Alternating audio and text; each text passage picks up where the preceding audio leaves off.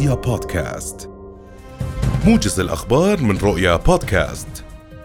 أعلنت وحدة تنسيق القبول الموحد في وزارة التعليم العالي والبحث العلمي اليوم انتهاء عملية تقديم طلبات القبول للالتحاق بالجامعات الأردنية الرسمية لخريجي شهادة الثانوية العامة الأردنية للدورة التكميلية. وقال مدير الوحدة مهند الخطيب إن العدد الإجمالي للطلبات التي تم تقديمها بلغ 13563 طلبا. مبينا أن هناك 1134 طالبا وطالبة ممن تقدموا بطلبات لم يسددوا رسم تقديم طلب الالتحاق حيث سيتم منحهم مهلة حتى نهاية دوام اليوم لتسديد رسم الالتحاق وبخلاف ذلك سيتم استبعادهم من عملية المنافسة. وإلى خبر آخر حيث قال رئيس الوزراء الدكتور بشر الخصاوني خلال جلسة مجلس النواب إن الحكومة لا تقبل الإساءة إلى أي من أعضاء مجلس النواب سواء أكانت مقصودة أو غير مقصودة.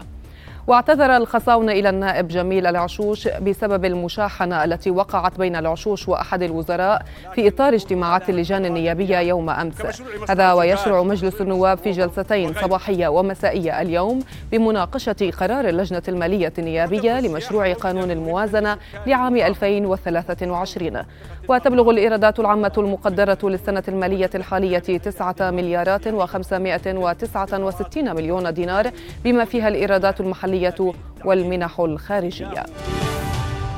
أدانت وزارة الخارجية وشؤون المغتربين قرارات حكومة الاحتلال الإسرائيلية الهادفة إلى بناء وحدات استيطانية إضافية وشرعنة بؤر استيطانية في الأراضي الفلسطينية المحتلة.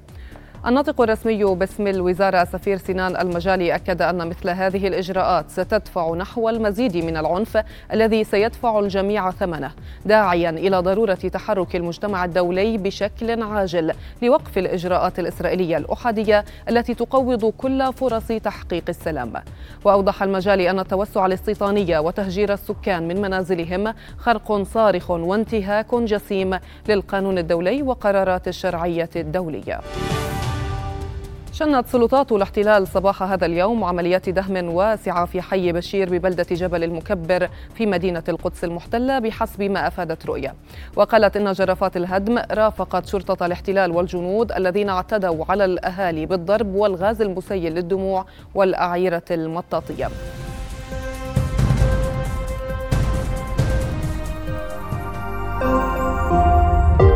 رؤيا بودكاست.